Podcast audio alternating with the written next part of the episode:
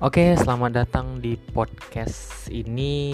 Nama saya Rizky Alhamdi. Di sini saya akan uh, bercerita tentang dunia persahaman dan dunia-dunia berhubungan sama saham.